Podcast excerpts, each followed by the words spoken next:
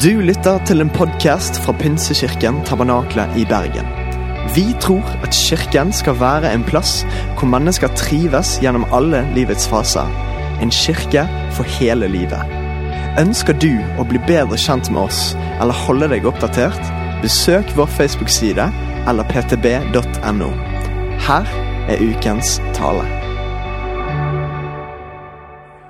Veldig bra. Vi har hatt en glimrende søndag eh, denne her eh, søndagen. Mange søndager er jo veldig gode, men det har vært en utrolig kjekk søndag med både dåp og barn og løve og alt hva det er for noe. Og nå er vi her og har fått røyk i rommet. Åh, En fullkommen søndag. Vi har liksom alt. Og det er frydefullt. Jeg håper det går bra med deg, eh, og at du er klar for å lytte til dagens preken som har tittelen 'Fornuftig tro'. Spørsmålstegn. Fornuftig tro. Og Jeg vet ikke hvordan det er med deg som sitter i salen her, når du hører dette her eh, utsagnet eller spørsmålet om fornuftig tro. Er det sånn for deg at troen er fornuftig, eller er dette selvmotsigelser i din verden? Kanskje har vi litt forskjellige erfaringer eh, av hva vi har møtt på rundt forbi når vi har vært på studier eller blant kollegier på arbeidsplassen, eh, så er det ikke sikkert at tro og fornuft nødvendigvis går hånd i hånd. Og Det er òg mitt innledningsspørsmål til denne forsamlingen. Er det sånn at tro kan være fornuftig? Eller er disse tingene selvmotsigelser? Må du legge vekk fornuften for å kunne vokse i troen? Eller kan disse gå hånd i hånd? Kan det finnes et rasjonale for tro? Eller er det sånn at alt som handler med tro, er utenfor fornuftens verden? Med de spørsmålene så håper jeg at du har omrisset av hva vi skal samtale om i dag. Eh, og som du sikkert forstår, så er jo dette et tema som vi egentlig kunne snakket om ganske lenge. Og hente en relativt skarpe sinn for å samtale om. Det har vi ikke gjort. Det er jeg som står her. Eh, og det vil nå få denne tematikken gått gjennom av en først og fremst predikant, og ikke professor. Men jeg håper likevel at når vi kommer til enden av dette møtet, så har du fått noen tanker om, som faktisk underbygger at troen er ikke en blind tro. Men det er en tro som er basert på noen grunner som faktisk til og med kan kategoriseres som å være fornuftige. La oss høre hva Peter skriver når han skriver om dette her i 1. Peters brev, kapittel 3. Han kommer faktisk med denne utsagnet her. Vær alltid klar til forsvar når noen krever dere til regnskap for det håp dere eier. Men gjør det ydmykt og med gudsfrykt, så dere kan ha god samvittighet. La meg lese det igjen. Vær alltid klar til forsvar når noen krever dere til regnskap for det håp dere eier men gjør det ydmykt og med gudsfrykt, så dere kan ha god samvittighet. Da kan det godt hende at når vi snakker om det på den måten, og gjør det ydmykt, så dere kan ha god samvittighet, så kan det godt hende at vi ikke må gjøre det sånn som denne historien jeg hørte, med et barn som kom til sin mor. Og så kom hun til sin mor, og barnet var ganske frustrert. Så sa til mora nå skal jeg høre om den saken. Mamma, det er så frustrerende at når jeg snakker med deg, så begynner du å, å fortelle meg om at jeg er et Guds barn. Skapt i Guds bilde, skapt med en hensikt. Og at Gud hadde en vilje når han skapte meg med mitt liv. Men så går jeg og snakker med min far. Og pappa han sier til meg at du skal være klar over én ting, jenta mi, og det er at du er stammer fra apene. Du er en, uh, ingenting annet enn en velutviklet apekatt med særdeles gode språkferdigheter. Og Jenta sto der med mora og sa er, hva er det som er sant. Hvordan skal jeg tenke om den saken? Er det så sant? Så sier mora på følgende måte Nå må du være klar over én ting, jenta mi. Jeg snakker om min del av familien. Far din snakker om sin del av familien. Om det var noe god trosforsvar i den, da vet ikke jeg om den saken. Men jeg skal ærlig innrømme at jeg har litt sansen for å ha litt snert i sakene når det er snakk om trosforsvar i møte med vitenskapen. som er ikke er motpoler. Det håper jeg å belyse i løpet av eh, teksten. Men likevel kan det av og til oppleves sånn. da. Så du hadde jo den eh, eleven som var uteksaminert, nesten i alle fall, fra barnekirken her i Tabernaklet. Det er i hvert fall sånn jeg liker å tenke om den saken. Det var en elev og gått mye på eh, søndagsskolen her i, i Pinsekirken. Kom til naturfagstimen eh, på skolen, og lærerinna sa Nå skal dere høre en ting. Unger skal lære dere noe veldig viktig. Det kan ha hørt noen myter opp gjennom historien om forskjellige ting som har skjedd. Men vær klar over en ting. En hval kan ikke sluke et menneske. Det er fysiologisk umulig. Og Da sa denne jenta her reagerte litt på dette, for du har hørt noe undervisning på søndagsskolen og sett noen flanellografer noe her, som tyder på at dette var ikke helt sånn som tingene hang sammen. Så jenta rekte opp hånda og sa hør, lærerinne, hva med joner, da? Hvordan er det med joner? Så jeg leser meg i Bibelen. Og, og uh, naturfagslæreren gjentok bestemt Hør. Det er faktisk umulig for en hval å sluke et menneske. Går altså ikke an, så de fablene du har hørt, de vet jeg ikke hva hun har sitt opphav i. Og Jenta ble litt bekymra over det hun hørte, så sa hun til læreren vet du hva? Denne saken skal jeg spørre Jonah om når jeg kommer til himmelen. Så skal jeg forklare til den saken, og jeg skal spørre Jonah hvordan dette hang sammen. Og lærerinna, som ikke var så begeistra for dette svaret, sa da tilbake Å ja, er du sikker på at han gikk den veien, da? Kan jo godt hende at han for andre veien, Jone. Hva skal du gjøre da? Og da svarte jenta uten å nøle. Ja, i så fall så får du spørre. Litt snert i sakene, da kan hende. Men tilbake til poenget. Eh, Peter oppfordrer oss altså til å håndtere disse tingene som at vi skal være klar for å kunne gi et regnskap, altså liste opp grunnene til det håpet vi bærer i troen på Jesus Kristus. Men han formaner oss til å gjøre det ydmykt, sånn at vi kan ha god samvittighet. Jeg ønsker å gi eh, noen gode grunner til dag, i dag for at troen kan være rasjonell, og at det ikke trenger å være en blind tro for å tro på Jesus. Eh, det vil på ingen måte være uttømmende, det du hører i dag, men det vil skrape overflaten. Og jeg har valgt å gjøre det sånn i dag at jeg ønsker å gi dere ett vitenskapelig poeng, et filosofisk poeng og et historisk poeng som kan underbygge at troen faktisk kan være rasjonell. For de som syns at dette er veldig interessant og ønsker å dykke litt mer i dybden, så har jeg lista noen aktuelle ressurser som jeg hviler på i dagens preken. Så hvis du tenker at ja, det her er noe jeg vil dykke dypere inn i, så kan du ta et bilde av skjermen der hvis ikke du allerede har gjort det, og så kan du få lov å undersøke mer sjøl. Ellers så vil jeg òg poengtere at jeg tror faktisk ikke at du vil finne argumenter eller gudsbevis som er umulig å motsi. Det vil alltid finnes et aspekt av at du kan bortforklare mange av de tingene som den kristne troen hevder. Du kan, hvis du er kreativ og smart og lur, så kan du prøve å komme med andre former for argumentasjoner og si at 'nei, jeg tror heller at sånn og sånn', og bla, bla, bla. Og Hvorfor er det på den måten? Jo, jeg tror at vi finner noe av svaret i Hebreabrevet 11 og vers 6. Der kan vi lese eh, at uten tro er det umulig å være til glede for Gud. For den som trer fram for Gud, må tro at han er til, og at han lønner den som søker han. Og jeg tror Sånn er det. Jeg tror. Og jeg tror at i Guds rike så er troen den valøren og valutaen som vi aldri kan komme oss vekk ifra. Dette med å leve i Guds rike og lære Gud å kjenne handler om tillit. Og det vil det alltid gjøre.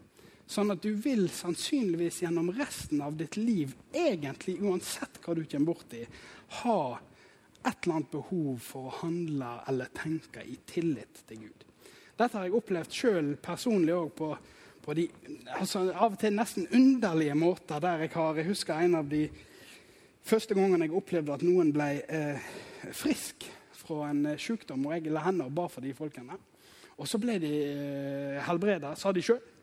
Og det tok ikke lang tid før jeg begynte å tenke i hodet mitt. skal tro, hva var det egentlig som skjedde der? Prøvde de å lure meg? Prøvde de å, å gjøre narr av meg, den saken der? Eller hva var det? Og, og, og, og liksom uansett, og sånn har jeg opplevd gjennom livet, så vil det alltid finnes ei dør som en kan gå inn. Men likevel så vil jeg påstå at når vi samler summen av våre erfaringer og observasjoner, så kan du komme til en slutning om at det er rasjonelt og rimelig å tro på Gud. OK, er det klar? Argument 1. Er det noen som har en preferanse for hvor vi skal begynne? Nei, det var det ikke i dag tidlig heller, så da begynner jeg på skapelsen. Nå skal dere høre en sak. Og det er slik Her ser det. Dette er ikke ment som reklame, men jeg har altså da eh, i eierskap av eh, en eh, mobiltelefon fra et fruktig selskap i California. Og nå skal du høre om den saken om denne telefonen. Det er faktisk en ganske utrolig historie om hvordan denne telefonen har blitt til. Fordi at det har seg sånn at borti, Hvis vi hadde reist over dammen, bort til The Great Land of California, der de laga denne telefonen, eller har i hvert fall designa den, for å si det så sant det er. Så har de lagd noen lagerlokaler. Og De er ganske spennende lagerlokaler, faktisk. Eh, svære sånne eh, forbrukshaller som de har satt opp. Og så er det et par karer eh, som har tatt både trucksertifikat og litt forskjellig de har eh, utdannet seg for, om, og er veldig flinke til å kjøre både gravemaskin og lastebil. Så det de gjør, er at de samler sammen alle mulige forskjellige stoff som telefonen krever. Det er litt metall, Eh, det er litt glass. Eh, det er noen eh, mobilkomponenter, noen mikrochipper, noen greier. Et par rambrikker og alt hva det er for noe. SD-kort har de begynt med nå for å få litt ekstra sus over saken. Og Så samler de dette her på lasteplaner, kjører inn i lagerlokalene og så tipper de det ca. midt i lokalet. Det er et par forsøk som har ledet til plass, aktuell plassering, men de har funnet ut at i sentrum av lokalet er det beste plassen for å slippe dette. Så slipper de ned der. Og så har de ansatt en fyr som meg, bonde fra Frekkhaug. Og han setter av en bombe sånn ca. 1549 hver kveld i disse lagerlokalene. Og når det smeller, folkens, så er det noe fantastisk som skjer. De har faktisk litt plastikk og litt emballasje. Pappemballasje har blitt mer populært enn plastikk nå. så det er for det meste papp. Og da skjer noe helt fantastisk. Når det smeller, så begynner de her telefonene for å si det uh, riktig, uten disse dekslene, for det er ikke de tatt, kommet opp med ennå. Men så slår de seg sammen, de her telefonene. Faktisk er det sånn at de liner seg bortover i hyllene, ferdig lina i pappemballasjen, med plast rundt. Og så er de klar til shipping neste dag. Dette som skjer her borte, er helt fantastisk, og det har faktisk revolusjonert måten vi maler på ute i Nordhordland. Eh, som er da det lovde land utenfor Bergen, ca. 30 minutter nord for Bergen. Det har revolusjonert måten vi maler på, for jeg har ingen maleferdigheter. Men hvis jeg samler de fargene jeg vil, oppi et malingsspann, og så sprenger jeg en liten kinaputt på det der, der, så kommer de mest vidunderlige, fantastiske kunstverk til syne. For dere som er ekstra bevandra i den kristne tro, så vil jeg ta med dette eksempelet her. At, at eh, Hvis det er noen som har eh, vært borti sånne ting som jeg kunne skrevet hashtag 'sykt kristent', eh, så fins det noe som heter vev... Nå har jeg faktisk glemt hva det heter. Men det er sånne vevtepper. Sånne her, tepper i tøy. Som har sånne skrift på for eksempel, på veggen. Det er veldig populært faktisk på bedehuset. Og Der står det f.eks.: La Guds ord har rikelig rom.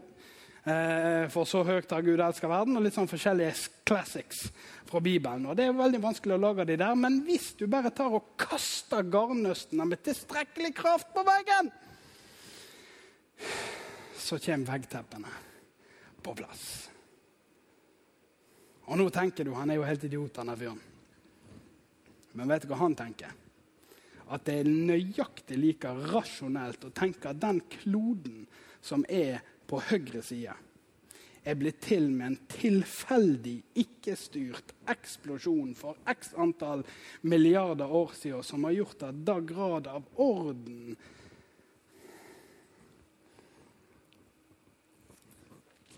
System, kraft, skjønnhet og alt hva vi måtte si har kommet til totalt tilfeldig, kun med et uhell. At du sitter på stolen der du sitter i dag, og kom til pga. et uhell, et kosmisk fjert for ca. 14 milliarder år siden, krever òg ganske mye tro for å tro på. Ditt øye, er du klar over en ting? At det øyet du har, greiene her, er så uendelig mye mer komplisert enn det de beste forskerne borti statene har klart å få til på denne her telefonen. Og faktisk er det sånn at mange vitenskapsfolk eh, har stilt spørsmål til sin ateistiske tro etter de har forska på hvordan verden har blitt til. Og ikke minst et annet argument som er populært innenfor denne tanken å forsvare troen på, det eh, handler om da grad av orden som universet utviser. Eh, dette her er jo langt over min evne å forstå og skjønne, men jeg skal gi dere ett eksempel på det jeg har studert og materialet jeg har lest til denne preken.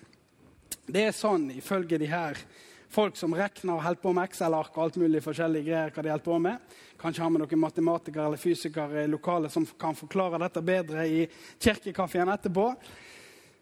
Men de sier at, at, det virker som, og det er til og med en eh, fysiker som heter Paul Davis, eh, som eh, kommer med denne eh, påstanden her, om at det er en brei grad av enighet blant fysikere og kosmologer om at universet på mange måter er finjustert for å gi rom for liv.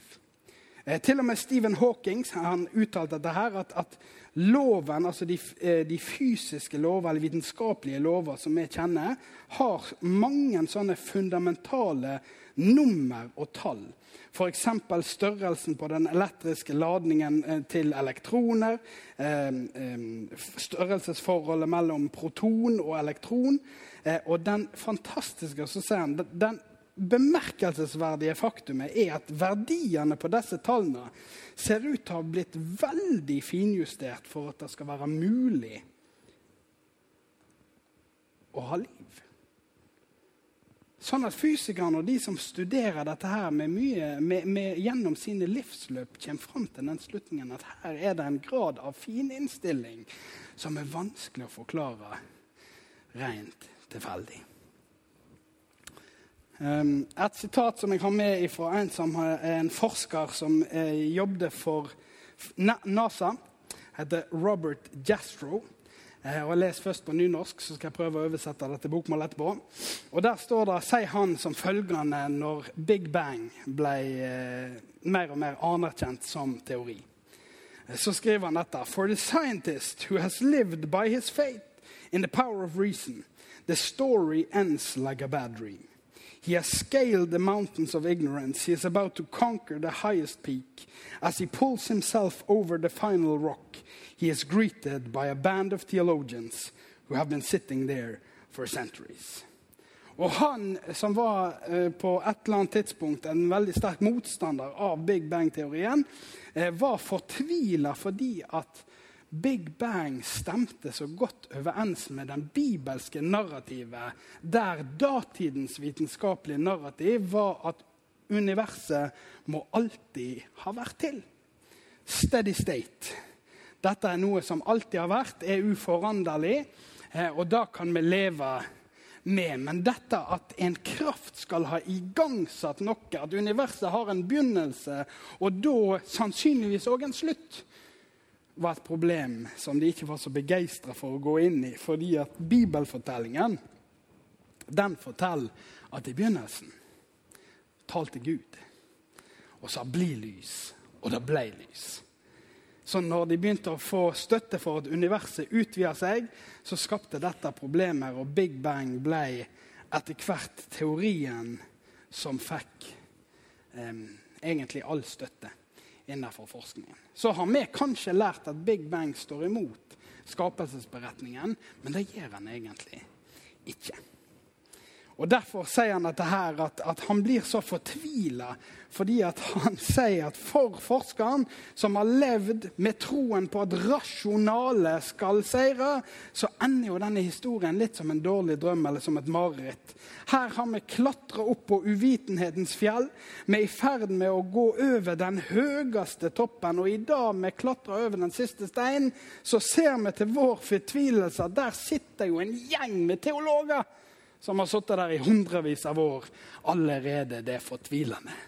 Når bibelhistorien stemmer så godt overens med forskningsdataene som vi kan få. Ja vel. Et filosofisk argument. Er dere klar for det? Du vet, Filosofi det forstår jeg meg nesten ikke på i det hele tatt, så det får bare ha nåde med meg. Eh, strekk ut hendene hvis jeg føler det går for gale. Så tar vi det der ifra. Det fins en som heter eh, Shafer. Francis Shafer, eller han heter? Nå må vi sjekke for sikkerhets skyld. Ja da, Francis Shafer. Han er da en kristen apologet og har spesielt vektlagt spørsmålet om hva var i begynnelsen. Fordi at vitenskapen de kan eh, snakke mye om det som skjer fra Big Bang, altså universets tilblivelse, og det som har skjedd siden. Dette har jo vært forskningsområdet. Men de aller fleste vil jo eh, si, eller egentlig alle vil si, at vi vet ikke hva som kan ha skjedd før. Var det noe før? Var det ikke noe før? Og For Shafer så har det blitt en, en sterk argumentasjon dette her, om at det er veldig vanskelig å forstå at ingenting fantes før, og ut av ingenting kom alt dette som vi ser i dag hele universet, jordkloden, oss som sitter her på benkene. Dette her er veldig vanskelig å få til å gå overens. Sånn at hans konklusjon er at noe må alltid ha vært. Det er nødt å være noe som alltid har vært. Og da, etter mye arbeid og diskusjoner og debatter, og alt mulig, så er hans konklusjon at nå skal dere høre, det fins to alternativ til det som alltid har vært. Det må være noe personlig eller det må være noe upersonlig. Altså, det må være noen som med viten og vilje har styrt det som har skjedd, eller så må det være noe helt tilfeldig, noe upersonlig, som ikke har en hensikt, mål, viten, men, men likevel er en kraft som på en eller annen måte eksisterer og har igangsatt det eh, som nå er. Hvis du følger den upersonlige eh, tankegangen, som kanskje vi er mest komfortable med innenfor et vitenskapelig perspektiv, så kan det f.eks.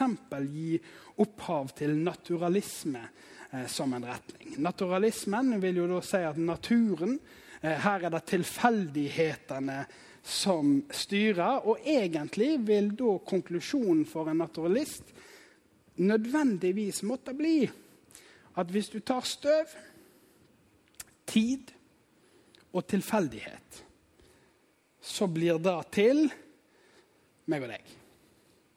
Støv, tid, tilfeldighet er lik oss. Uten mening, uten hensikt, uten noe større tanke. Men, men det må bli konklusjonen. Så er det en del folk som innvender på dette her og sier at sannsynligheten for at liv skal bli til av seg sjøl, Støv, tid, tilfeldighet. Meg og deg. Sannsynligheten, Det er jo mindre sannsynlighet for at det kan skje, enn at en orkan raser gjennom en søppelplass. Se for deg oppe på Jeg har faktisk jobbet på BIR en periode. Kjørt masse boss opp til denne søppelplassen der for brenning. Det er som om en orkan raser gjennom den forbrenningsovnen før den får begynt å brenne, og ut på andre sida står der Boeing 737 klar til takeoff. Det er veldig vanskelig å se for seg at hvis du bare har nok tid, da Hvis bosset ligger der lenge nok, og vinden blåser lenge nok, eller mange nok ganger forbi, så blir det til slutt et fly. Og Det er i alle fall Shafer sitt eh, argument. og I tillegg så sier han at han syns det er veldig vanskelig å se for seg at en ikke-personlig kraft For du kan òg gå i den guddommelige retningen. Da, da kaller vi det gjerne for panteisme. Og Innenfor panteismen så vil en tenke at ja, det er en form for guddommelig kraft, men den har ikke noen bevissthet i forhold til at den har en mål, mening, hensikt, tanke. Det er et stort alt som har en eller annen kraft, og vi vil koble oss på eller ikke koble oss på. alt det sånn, Men det fins ikke noe mål, mening, budskap, moral, whatever innenfor det. Og, og Schaefer, En av Schaefer sine sterke poeng er at han stiller spørsmål til oss at hvis det er sant, da, at det som kom før alle andre ting, var upersonlig, hvorfor har du og jeg en person? Hvorfor sitter du i lokalet her og er opptatt av sånne idiotiske spørsmål som hva er meningen med livet? Hvorfor er jeg til? Hva er egentlig hensikten?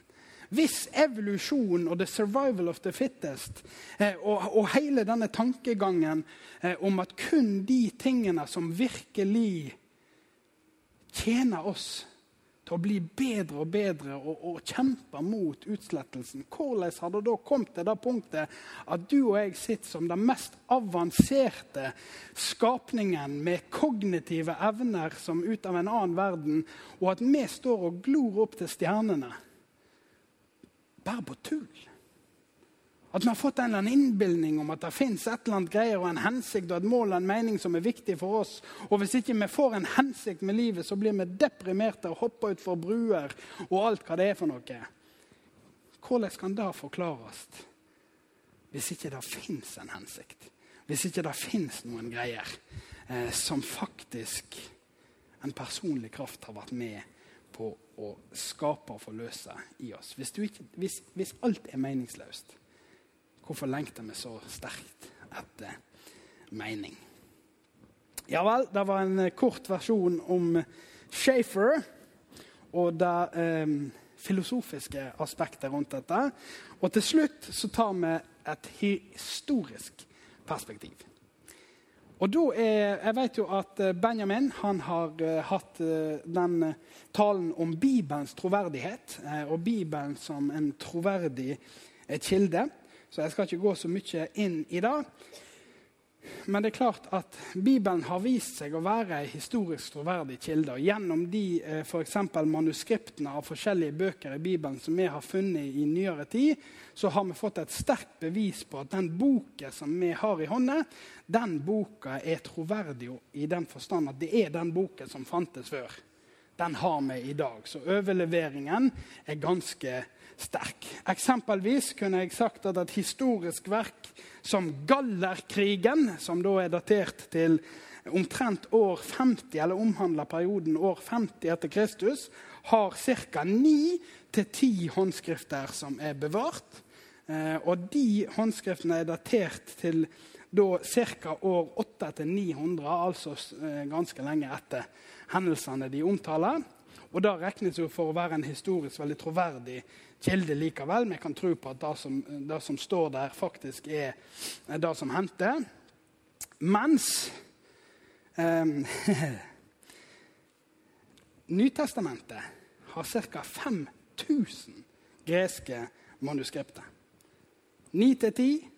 Nytestamentet er 5000 greske eh, manuskripter. Og hvis vi hadde inkludert oversettelsene som er gjort av andre språk, så snakker vi om 24 000. Hva er poenget? Jo, poenget er at vi har veldig mange kilder som sier at boka er i hvert fall det den utgir seg for å være. Og For et par år siden så hørte jeg om en kar som heter for bergenser, tror jeg han er. Han bor i hvert fall i området her. heter Mats Valencia. Og Jeg har sett sånn videovitnesbyrd om han. Og Mats Valencia han eh, studerte på universitetet og hadde kommet fram til at nå skal jeg, jeg nå er vi jo kommet til 2020. Det er omtrent det året vi er. Vi er godt ut på 2000-tallet. Og det er på tide å legge ballen død angående den kristne tro. Altså Nå har vi holdt på med dette her eh, eventyret og fabelhistoriene lenge nok. Det er på tide å legge ballen død.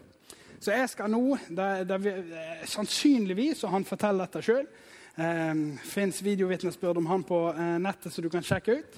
Og da vil du høre at Han sier at dette kan jo umulig være så veldig vanskelig. Det er hans konklusjon. når han går inn i dette. Så jeg regner med at i løpet av ei helg så vil jeg på, gjennom den historisk kritiske metoden ha nok data til å stille enhver teolog til veggs. Og de vil gråte i møte med min argumentasjon om hvorfor kristendommen er idiotisk, og påstanden om at Jesus sto opp igjen for de døde, er lett falsifiserbar. Ok? Så han studerer denne helgen. Eh, og han forteller sjøl at når den helgen er omme, så er han litt eh, mismodig. For det viser seg at det var ikke helt enkelt. Han studerer Bibelen, han studerer Koran, han studerer de apokrypiske skriftene han får tak i. Han studerer samtidsforskere, jødiske samtidsforskere fra den tida her. Og det viser seg at det var ikke så lett å motbevise dette som han hadde tenkt. Så at ei helg blir til et halvt år. Og etter det halve året så har han fremdeles ikke klart å motbevise denne historien. Og han forteller sjøl hvordan han da på dette tidspunktet er med hans egne ord veldig, kommet inn i et mørke. For det var veldig frustrerende for ham at ikke han klarte å motbevise dette her, sånn som han hadde satt seg fore. Så han tar en bestemmelse. La meg lese tekstene som om de er sanne. Så leser han tekstene som om de er sanne, og for å gjøre en lang historie kort, så opplever han å møte Herren og bli frelst gjennom arbeidet vi skulle motbevise den kristne tro. Tor Håvik, Farmen-presten, eh, lagde en eh, serie i fjor som heter 'Oppstandelsen', i samarbeid med Tro og Medier, der de òg tar den historiske tilnærmingen på spørsmålet 'Sto Jesus opp fra de døde?' Og så utforsker de forskjellige forklaringer til hva kan ha skjedd. Har du ikke sett den serien, så anbefaler jeg eh, den absolutt på det varmeste. Og for å oppsummere veldig kort så fins det jo noen forklaringsmekanismer som av og til blir brukt for å forklare hvorfor disiplene hevder det de hevder. F.eks. er dette med at det kunne vært en hallusinasjon. Et eh, argument. De kan ha lengta så inderlig etter Jesus at de eh, så for seg at han var i live. De fantaserte det. Eller, eh, men De trodde på det, men det var en hallusinasjon. Det var, fantes bare i deres tanker. Da møter de selvfølgelig et kjempeproblem når det er flere som på én gang opplever å ha møtt Jesus. Én og én kunne du kanskje sluppet unna med på en sen fredagskveld. Eh, når du er altfor sein i seng og du burde lagt deg for lenge siden og kanskje var du våken natta før, kan kanskje forklare at en av dere hallusinerer at jeg står i rommet, men det gjør jeg ikke. Men aldri i livet at hele den flokken som sitter der inne, har den samme hallusinasjonen på en og samme tid og vitner om at jo, han var sannelig der. Problematisk vanskelig forklare. Så har du andre som sier men det er veldig enkelt å forstå den saken. For at eh, de hadde jo god grunn til å hevde at Jesus var i live selv om de visste at han var død. For de fikk jo mye makt. De hadde jo starta en bevegelse, og de var jo veldig opptatt av å opprettholde den bevegelsen som de hadde skapt. Det var jo et stort tap for dem hvis ikke Jesus levde. og det kan du kanskje si. Men samtidig så møter du et problem med at belønningen som de fikk av å stå fast på sannheten om at Jesus var stått opp igjen fra de døde, var ikke å bli skinny rich and famous. Det var få av de som endte i stor rikdom som følge av sin høye åpenbaring på Kristus som oppstått. Eh, de fikk ikke en høy posisjon i noe som helst rike, egentlig. De ble drept. Peter fikk jo belønningen å bli spikra opp ned på et kors. Ikke en veldig sånn statusjag, egentlig. Eh, og Det samme er faktisk sånn at av hans disipler så forteller kirkehistorien oss at samtlige lei martyrdøden, med unntak av Johannes. Og sannsynligvis var det ikke pga. mangel på forsøk. Og han ble forsøkt avrettet, men det funka ikke, så de satte han på ei øy for å i hvert fall holde han unna greiene. Det er vanskelig. Tor Håvik kan bruke dette artige begrepet at de var så sikre, de var faktisk dødssikre på at Jesus var stått opp igjen fra de døde. Og det holdt de fast med til det siste, på samme måte som mange, mange, mange andre kristne gjorde. Så kan en da faktisk komme fram til at den mest sannsynlige og i hvert fall, Om ikke du vil være med at det er det mest sannsynlige, så kan du nok i alle fall være med meg på at det er en absolutt sannsynlig forklaring på at de holdt fast på sannheten historisk sett, og det historiske vitnesbyrdet at Jesus sto faktisk opp for de døde, er at det faktisk skjedde. At det var en sannhet, noe som hadde grepet hjertet deres. En sannhet som var sterkere for de ikke bare ett år. Jeg vet ikke om det skjønner forskjellen på dette. Det er lett å holde på en løgn i et år. Det er lett å holde på en løgn i ti år. Og når du til og med betaler en pris og blir forfulgt, slått, spikra på kors, drept for troen, så er det forferdelig vanskelig å holde ballong i 30 år, 40 år, 50 år. Det, det går Ikke an, folkens. Smerten er for stor. Så en sannsynlig og rasjonell forklaring er at det faktisk skjedde. Ja vel, det får takk for oppmerksomheten.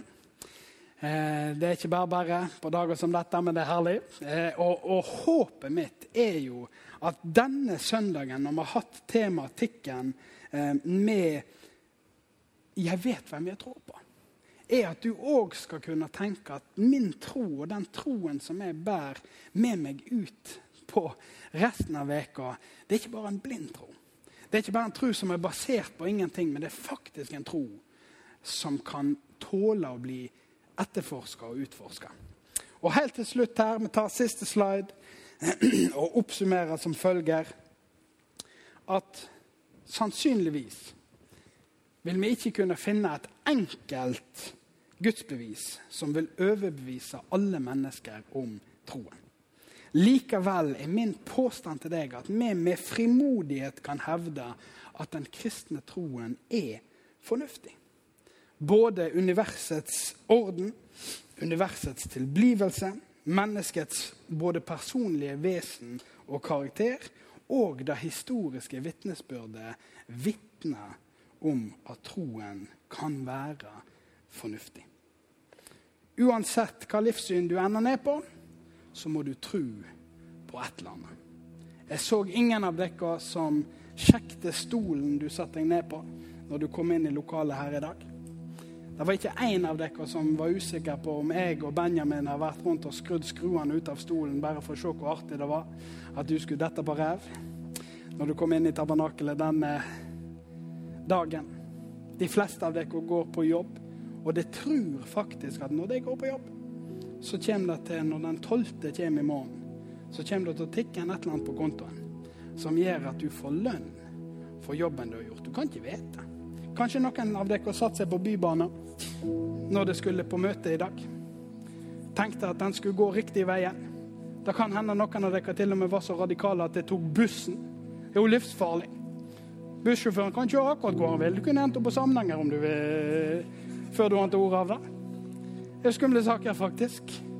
Men likevel så kjørte han der du trodde han skulle kjøre. Vi handler i tro hver dag, og vi kan ikke skille oss for tro til og med utenfor livssynssfæren.